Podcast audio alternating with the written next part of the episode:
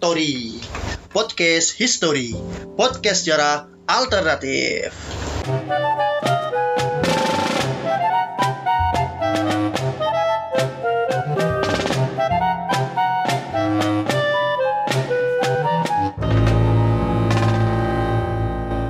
Ya, halo semuanya. Kembali lagi bersama kita nih di Factory Podcast History Indonesia yang sudah vakum lebih dari berapa tahun, Bos? 20 tahun Mungkin hampir satu setengah tahun yang lalu ya, terakhir ya kita terakhir bikin episode tentang Habib Rizik Habib Rizik. Tapi bukan karena itu kita berhenti, tapi ya benar karena capek memang males saja kan. Tapi memang konsistensi itu apa ya? Agak sulit ya. Maksudnya benar eh, suatu hal yang sulit dilakukan terutama oleh saya juga. Berarti anda sebenarnya penyebabnya kenapa ini vakum. Tapi eh, selama vakum ini apa yang rembes lakukan? Selama tidak bikin konten itu yang di, yang pendengarnya juga apa sih? Ya nggak apa-apa sih. Tapi sebenarnya ini jadi semangat lagi gara-gara eh, kemarin tuh eh, saya kan lihat di itu dong di anchor kan. Nah kan ada tuh kayak statistik pendengar. Nah ada satu hari tuh apa tiba-tiba tuh pendengar potori tuh melonjak drastis gitu kan terus aku jadi kayak bersemangat nih pendengar-pendengar dari mana? Gitu loh. Nah awalnya yang aku malnya malas-malasan terus kayak termotivasi gitu kan "Ih, ayolah kita tag lagi gitu. Jadi kayak ya ternyata melihat angka itu sangat berpengaruh ya untuk cukup membahagiakan ya cukup membahagiakan. Ternyata obrolan-obrolan yang kurang berbeda ini ada yang mendengarkan gitu kan. Kalau saya nggak mungkin dong play apa sekali sepuluh ribu kan nggak mungkin. Pasti ada orang-orang di luar sana yang yang mungkin mendengarnya sama tapi mendengarkan lebih dari satu kali. Tapi eh, berkaitan dengan podcast historinya itu sendiri apakah kamu belajar mendalami sejarah belajar lagi atau ya sama sekali enggak jalan hidup seperti biasa yang membosankan itu? Ya. Atau, atau seperti apa? Ya enggak sih kalau kalau kalau kalau kalau baca mah sering baca ya. Cuman kan untuk tema-tema yang tertentu ya.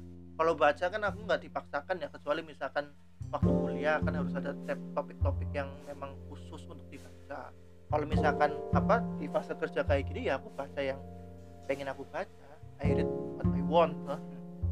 Nah, kemarin itu kan sempat nih Mas Rebus jadi viral man gitu. Ayolah Boleh di apa sih tadi dari tadi tuh nyariin sebenarnya tweetnya apa, cuman nggak ketemu. Bisa di elaborat nggak sih apa yang itu ditemukan? Sebenarnya sedikit menarik juga. Jadi dibahas sedikit gitu loh.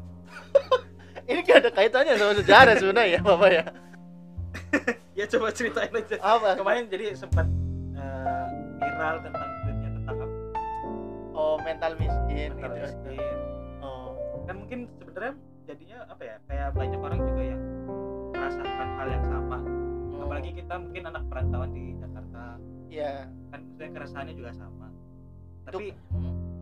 apa sih sebenarnya yang dimaksud dari itu Oh, enggak se- se- sebenarnya itu, itu kan sebenarnya anu ya, sebenarnya hal-hal hal-hal hal-hal hal yang sebenarnya sudah jamak diketahui orang gitu loh. Kalau misalkan kamu anak orang kaya ya kan, maka probabilitas kamu untuk sukses itu tuh semakin besar. Itu pertama. Dan kalau misalkan kamu anak orang kaya juga ya kan, kamu di otakmu itu sudah terpro- terprogram untuk tidak menyerah gitu. Kalau misalkan menghadapi kegagalan, itu kenapa terprogram seperti itu? Karena kamu tahu ya kan, orang tuamu kaya, orang tuamu punya resources material, orang tuamu punya networking yang bagus, orang tuamu punya koneksi yang keren ya kan. Mungkin nggak disadari secara langsung, tapi itu apa ya semacam program yang unconscious gitu loh. Nggak disadari sama misalkan orang-orang yang berpunya gitu loh nah sementara orang miskin mereka tuh orang nggak punya ya. Itu mereka tuh misalkan menemukan kegagalan tuh aku nulisnya tuh ya meneh ya. Kalau dalam bahasa Indonesia ya mau gimana lagi? gitu kan. Ya apa ya bukan kemudian mereka kemudian menyerah atau apa gitu kan tapi beberapa tuh menghitung kemungkinan gitu loh. Karena tahu misalkan nih mau mencoba sesuatu pasti dipikir-pikir dulu gitu loh. Nanti aku men- mencoba usaha aduh uangku segini gitu loh. Kalau misalkan aku uang habis usaha gagal aku hidup pakai apa gitu kan. Atau misalkan katakanlah aku nih ya pengen mencoba beasiswa atau apa. Aku lulus nggak punya uang. Sementara misalkan mau mengejar beasiswa harus IELTS ya kan? IELTS itu nggak langsung tes toh. Jelas harus belajar harus les kata-kata. Preparation sampai 3 juta tes IELTS-nya sendiri sampai 3 juta. 200 mungkin ya untuk course yang British Council ya. Nah itu kan 6 juta. Kalau misalnya aku bukan anak orang kaya ya kan orang-orang berpunya aku habis lulus di rekeningku cuma ada 300 ribu. Kan aku gak punya pilihan dong. Aku gak bisa bilang jangan menyerah jangan menyerah. Ya bukannya menyerah aku step back. Oke kerja gitu kan. Aku kerja. Sementara ketika kerja harus menghidupi orang tua ya kan. Fokusnya juga berubah. Resourcesnya juga harus teralihkan sama yang lain. Orang yang punya itu tuh orang yang punya ya aku bilang ya orang kaya katakanlah ya dia tuh kayak punya privilege untuk fokus stay inline gitu loh kayak kamu kamu sana men mencapai cita-citamu. Kayak gak usah kamu mikirin harus katakanlah ngirimin adikmu beli sepatu ngirimin bapak apa bapak ibumu misalkan buat kebutuhan kebutuhan dapur ya kan? Sementara misalkan orang-orang yang gak punya katakanlah pengen kerja atau misalkan pengen mencapai cita-cita S2 katakanlah. Tapi dia harus kerja dulu. Sementara waktu kerja ya kan dia pengen nyicil nabung buat les ataupun buat S2 segala macam katakanlah ternyata ini gendeng bocor nih ya kan? Atapnya bocor. Kirim dong transfer ada posisi yang kayak gitu gitu loh. Ini terlepas dari misalnya katakanlah orang tua yang demanding atau apa gitu Yeah. loh. Dan sebenarnya tweet tweet itu apa ya nggak bisa di generalisasi juga gitu loh. Aku kayak kayak melihat sebenarnya kan pertama dari bukunya Robert Kiyosaki ya yang Rich Dad Poor Dad bahwa apa kalau misalkan orang tuamu kaya kamu apa mindset yang ditanamkan ke anakmu akan berbeda gitu loh.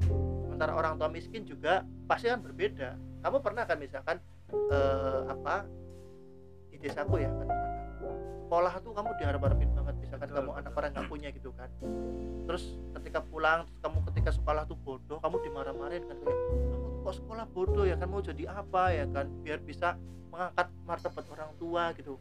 Otomatis di situ tuh ada ada burden gitu loh ada beban gitu terus kalau misalkan anak orang kaya tuh afirmasi bagus nggak apa-apa nanti kita coba lagi gitu loh. Sebenarnya yang paling berpengaruh di sini selain resources gitu kan kematangan mental orang tua aku nulis di situ. Ada riset di Jepang ya kan bahwa ada pengaruh antara daya juang atau mentalitas anak orang kaya sama anak orang nggak punya katakanlah. Nah anak orang kaya itu mereka orang tuanya secara mental sudah matang selain bahwa secara modal sosial secara kemudian apa finansial materi itu sudah matang tapi apa kayak mentalitas mereka sudah matang gitu loh. Mereka tahu bagaimana kemudian cara mengafirmasi anak gitu katakanlah. Misalkan ketika menemui kegagalan nggak apa-apa is oke kalau misalkan kamu gagal nanti kita bisa coba lagi. Dan misalnya secara tidak sadar orang tua orang tuanya pun berpikir bahwa aku masih punya banyak untuk anakku. Jadi ketika anakku gagal nggak masalah. Tapi misalkan anak orang nggak punya katakanlah gagal tuh bisa jadi akhir dunia loh iya Ya. kan ya hanya itu salah satu Iya. satunya kesempatan Ah, ah. bener coba Heeh. Kayak aku tuh anu, kayak kemarin nonton Hometown Cha-Cha ya, yang main Kim Sun Ho sama apa eh Shin Min Ah. Shin Min Ah itu dua-duanya aku suka ya kan. Ada satu episode yang si Kim Sun Ho tuh bilang ke Shin Min Ah. Hidup tuh nggak selalu adil bagi semua orang gitu loh. Ada orang yang jalannya penuh lubang dan tidak mulus, ada juga orang yang berlari sekuat tenaga lalu menemui jurang di ujung jalannya. Nah, sebenarnya yang pengen aku katakan di situ adalah eh, riset riset tuh ya kan untuk biar memperlembut hati gitu loh. Jadi kamu ketika misalkan menemui orang kok kamu miskin terus gitu? Kok kamu sih nggak mau berusaha? gitu gitu enggak gitu. Bahwa ada struktur-struktur yang membentuk itu keadaan itu ya kan. Makanya mereka gagal. Kita udah sepakat kemiskinan struktural gitu bahkan aku menambahkan di bawahnya ada riset dari Semeru Institute bilang bahwa anak orang miskin sulit sekali ya kan? Misalkan dia akan tumbuh eh tumbuh kaya ke depannya. Karena memang sistemnya tercipta seperti itu gitu loh.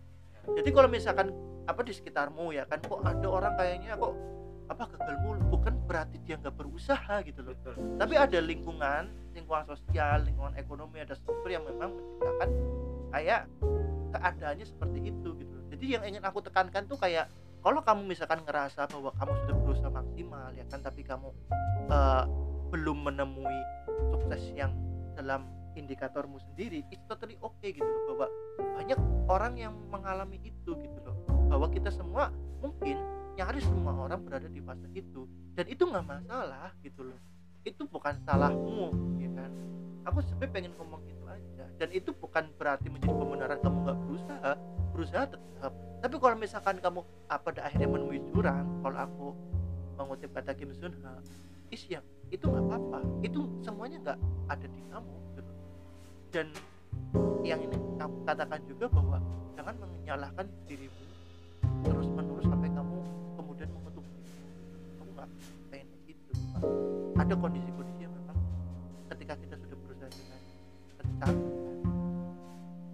sebaik mungkin sudah sekeras mungkin tapi hasilnya nggak sesuai dengan eh, harapan kita ya memang kadang demikian.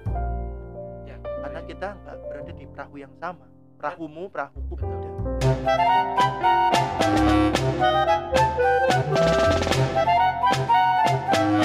Potori Podcast History Podcast sejarah alternatif